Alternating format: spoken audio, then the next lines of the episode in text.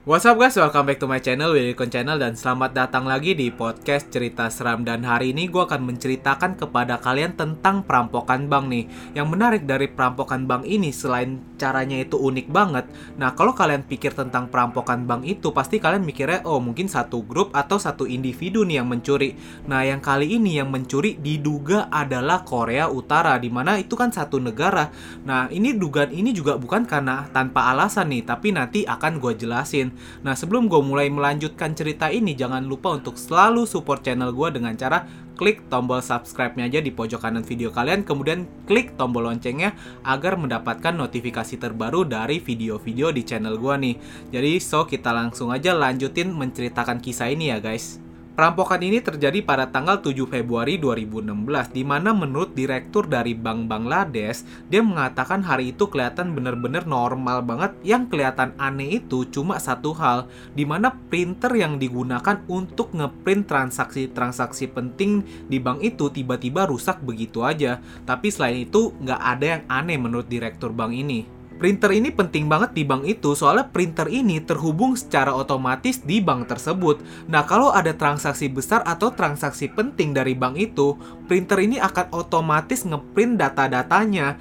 Tapi sayangnya pada hari itu printer ini rusak yang seharusnya printer ini berjalan 24 jam non-stop. Dan bisa dibilang kalau printer ini rusak, data-data penting dari transaksi-transaksi penting juga nggak bisa dilacak sama sekali. Dan rupanya printer ini juga bukan rusak satu hari doang, tapi beberapa hari. Nah, rupanya ini adalah awal dari perampokan besar di bank tersebut. Setelah beberapa hari printer ini diperbaiki, akhirnya printer ini bisa ngeprint secara normal lagi. Dan di mana printer itu juga mulai ngeprint data-data yang sebelumnya.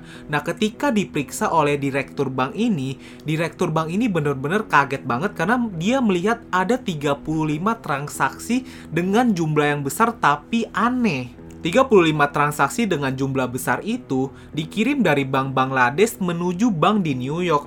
Dan anehnya dari transaksi ini nggak ada yang bertanggung jawab sama sekali. Tapi yang lebih anehnya lagi di mana sistem keamanan SWIFT itu nggak menangkap sama sekali kejanggalan dari pengiriman ini kalau kalian yang nggak tahu apa itu SWIFT, SWIFT adalah satu asosiasi yang bergerak dalam bidang keamanan transaksi keuangan.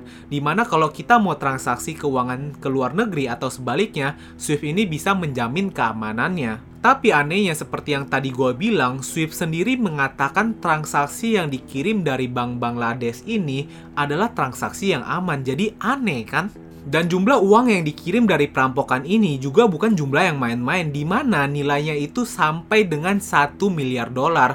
Nah, uang ini setara dengan 14 triliun rupiah di mana itu bisa dibilang nyaris semua cadangan uang di Bank Bangladesh dikirim ke luar negeri. Tapi yang menjadi misteri dari perampokan ini adalah siapa yang mencuri uang itu dan di mana uang ini dikirim. Buat ngehentiin perampokan ini bisa dibilang sudah terlambat karena kalau dihitung dari kapan printer itu rusak hingga printer ini dibenerin dan baru ketahuan bank ini sedang dirampok, itu udah beberapa hari. Setelah diselidiki, rupanya perampokan ini udah direncanakan 9 bulan sebelumnya di mana tepatnya tanggal 5 Mei 2015 di Filipina. Diperkirakan pada saat itu ada seorang pria yang membuat empat akun dalam satu bank. Di mana awalnya akun-akun ini nggak kelihatan aneh sama sekali. Pria ini bahkan mendepositkan uang 500 dolar di tiap akunnya. Kemudian akun-akun itu kayak kelihatan ditinggal begitu aja, nggak ada penarikan, nggak ada transaksi sama sekali di akun-akun itu. Balik lagi ke Bangladesh, informasinya buat kalian kenapa Bangladesh ini bisa dijadikan target dari perampokan ini.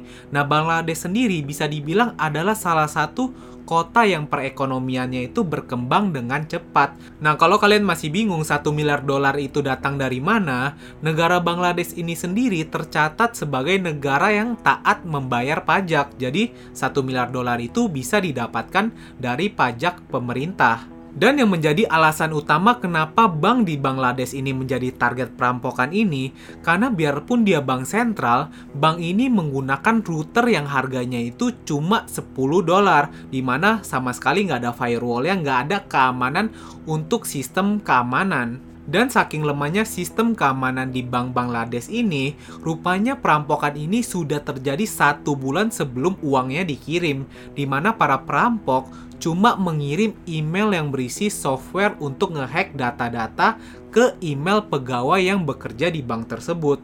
Jadi ketika pegawai itu membuka emailnya di bank Bangladesh, ya udah data mereka langsung dihack dari email yang sudah diretas, para perampok mendapatkan data-data dan kebiasaan yang dilakukan oleh bank ini dan akhirnya mereka memutuskan akan melakukan perampokan di bulan depannya di mana mereka menetapkan di hari Kamis karena di Bangladesh sendiri rupanya Jumat dan Sabtu adalah tanggal libur karena ini adalah negara muslim jadi mereka memutuskan hari Jumat digunakan sebagai hari libur untuk beribadah. Dengan ngehack sistem bank ini, para perampok nggak perlu takut untuk melewati sistem keamanan dari Swift sendiri, karena sistem Swift itu bakal mengira kalau ini adalah pegawai yang bekerja di bank itu. Pada hari Jumat di hari perampokan itu, para perampok mengirim 1 miliar dolar itu dari bank Bangladesh menuju bank di New York. Dan yang menjadi pertanyaan berikutnya adalah kenapa harus bank di New York? Dan rupanya pertanyaan ini bisa dijawab, bank di New York itu sudah biasa mencairkan uang sebesar 1 miliar dolar, jadi nggak butuh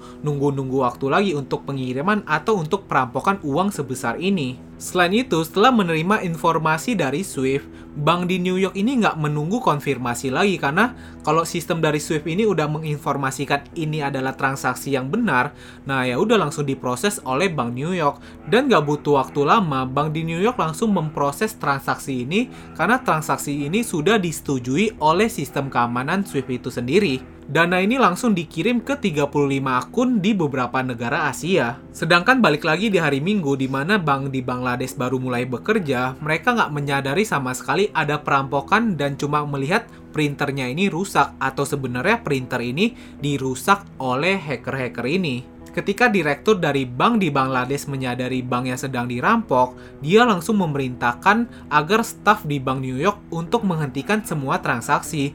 Tapi sayangnya butuh kita tandai kalau di New York itu sedang hari Minggu, jadi nggak ada pegawai yang mengangkat atau menjawab panggilan ini sama sekali. Tapi untungnya dari perampokan ini, sistem Swift itu sendiri menangkap ada satu kode yang aneh yaitu kode Jupiter. Nah, kode Jupiter ini sudah di blacklist oleh sistem keamanan Swift karena ini adalah satu uh, pengiriman yang ilegal.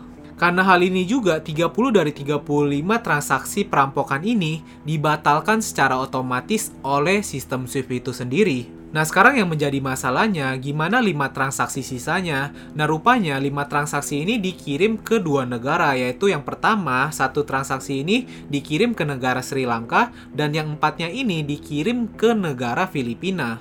Dan lagi-lagi para perampok melakukan kesalahan di negara Sri Lanka di mana mereka itu salah spelling yang harusnya ditulis foundation, mereka ini nulis foundation.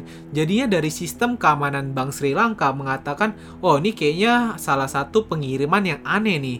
Jadi dananya ini dikirim balik ke New York. Nah, setelah di New York itu dananya satu ini aman. Sedangkan empat transaksi lainnya yang dikirim ke Filipina berhasil diambil oleh para perampok yang nilainya ini sebesar 81 juta dolar. Dan yang anehnya dari transaksi sebesar itu yang dikirimkan ke bank yang sama, ke cabang yang sama, nggak ada kecurigaan sama sekali dari Bank Filipina untuk menghentikan transaksi ini. Dan akhirnya para perampok berhasil menarik 81 juta dolar secara cash. Dan yang buat perampokan ini semakin gila dan terencana di mana ketika Bank Bangladesh menghubungi Bank Filipin itu lagi hari Senin dan rupanya di hari Senin itu adalah hari libur di Filipina. Jadinya bank di Bangladesh baru bisa menghubungi Bank Filipin di hari Selasa.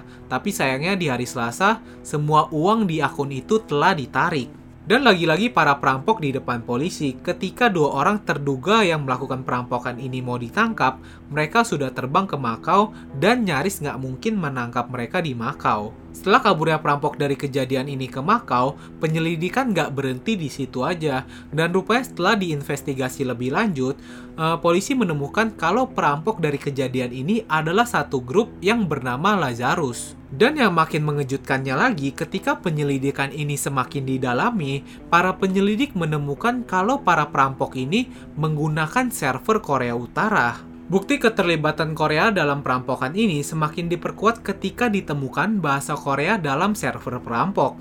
Dan pertanyaannya, apakah benar Korea Utara adalah dalang dari pelaku perampokan ini atau cuma para perampok yang meninggalkan bukti palsu? Tapi nyaris 100% setelah data-data diperiksa berulang-ulang, eh, keterlibatan Korea Utara ini semakin memuncak di mana para penyelidik ini semakin yakin kalau pelaku utamanya adalah Korea Utara. Kalau dilihat dari sejarah cybercrime Korea Utara, ini bukanlah tindakan pertama kalinya. Memang Korea Utara sendiri sering ngehack sistem pemerintah dan sistem transportasi dari Korea Selatan. Dan yang paling mengejutkannya, rupanya Korea Utara itu juga pernah ngehack sistem dari Sony, di mana di tahun 2014 ketika Sony membuat film The Interview yang isinya itu cuma ngehina dari pemerintah Korea Utara, mereka memutuskan untuk ngehack sistemnya. Semua serangan ini dilakukan oleh satu grup yang bernama Grup Lazarus. Nah memang Korea Utara itu nggak pernah mengakui grup ini, tapi terlalu aneh karena yang diserang oleh grup ini kebanyakan dari Amerika dan Korea Selatan. Jadi siapa lagi kalau bukan Korea Utara? Balik lagi ke perampokan di Bangladesh, rupanya titik akhir di Makau juga bukan sembarang titik yang asal dipilih. Jadi Makau itu sendiri memang adalah satu titik di mana negara Korea ini sering bertransaksi. Jadi kalau ada transaksi antara Korea Utara dengan negara lain di Makau, nggak akan ada kecurigaan sama sekali. Dan perampokan ini juga dilakukan bukan tanpa alasan sama sekali. Jadi diduga uang dari perampokan ini digunakan oleh pemerintah Korea Utara untuk mendanai program nuklirnya dan perkembangan ekonomi dari Korea Utara itu sendiri. Kalau semua ini terbukti, Korea Utara bisa mendapatkan masalah besar karena dia adalah satu-satunya negara yang melakukan perampokan, di mana ini juga menjadi ancaman baru karena bisa aja Korea Utara itu melakukan peretasan pada sistem pemerintahan dan sistem militer pada negara lain kan? Kasus ini juga dikenal sebagai cyber heist terbesar di dunia, di mana setelah kasus ini ditetapkan satu orang pegawai dari bank di Filipina sebagai salah satu tersangkanya karena dia diduga membantu proses penarikan uang dan pencucian uang di Filipina. Dia dijatuhi hukuman penjara selama 7 tahun dan didenda sebesar 109 juta dolar. Tapi tersangka utama dari kasus perampokan ini sampai sekarang belum terungkap. Nah menurut kalian gimana? Nggak mungkin kan seorang pegawai dari Bank Filipina melakukan perampokan ini sendirian? Nah coba tinggalin pendapat kalian di kolom komentar ya. Jangan lupa untuk like dan share video ini agar semua orang mendapatkan informasi yang unik ini. So itu dia guys video hari ini. Thank you guys for watching this video. See you guys in the next video.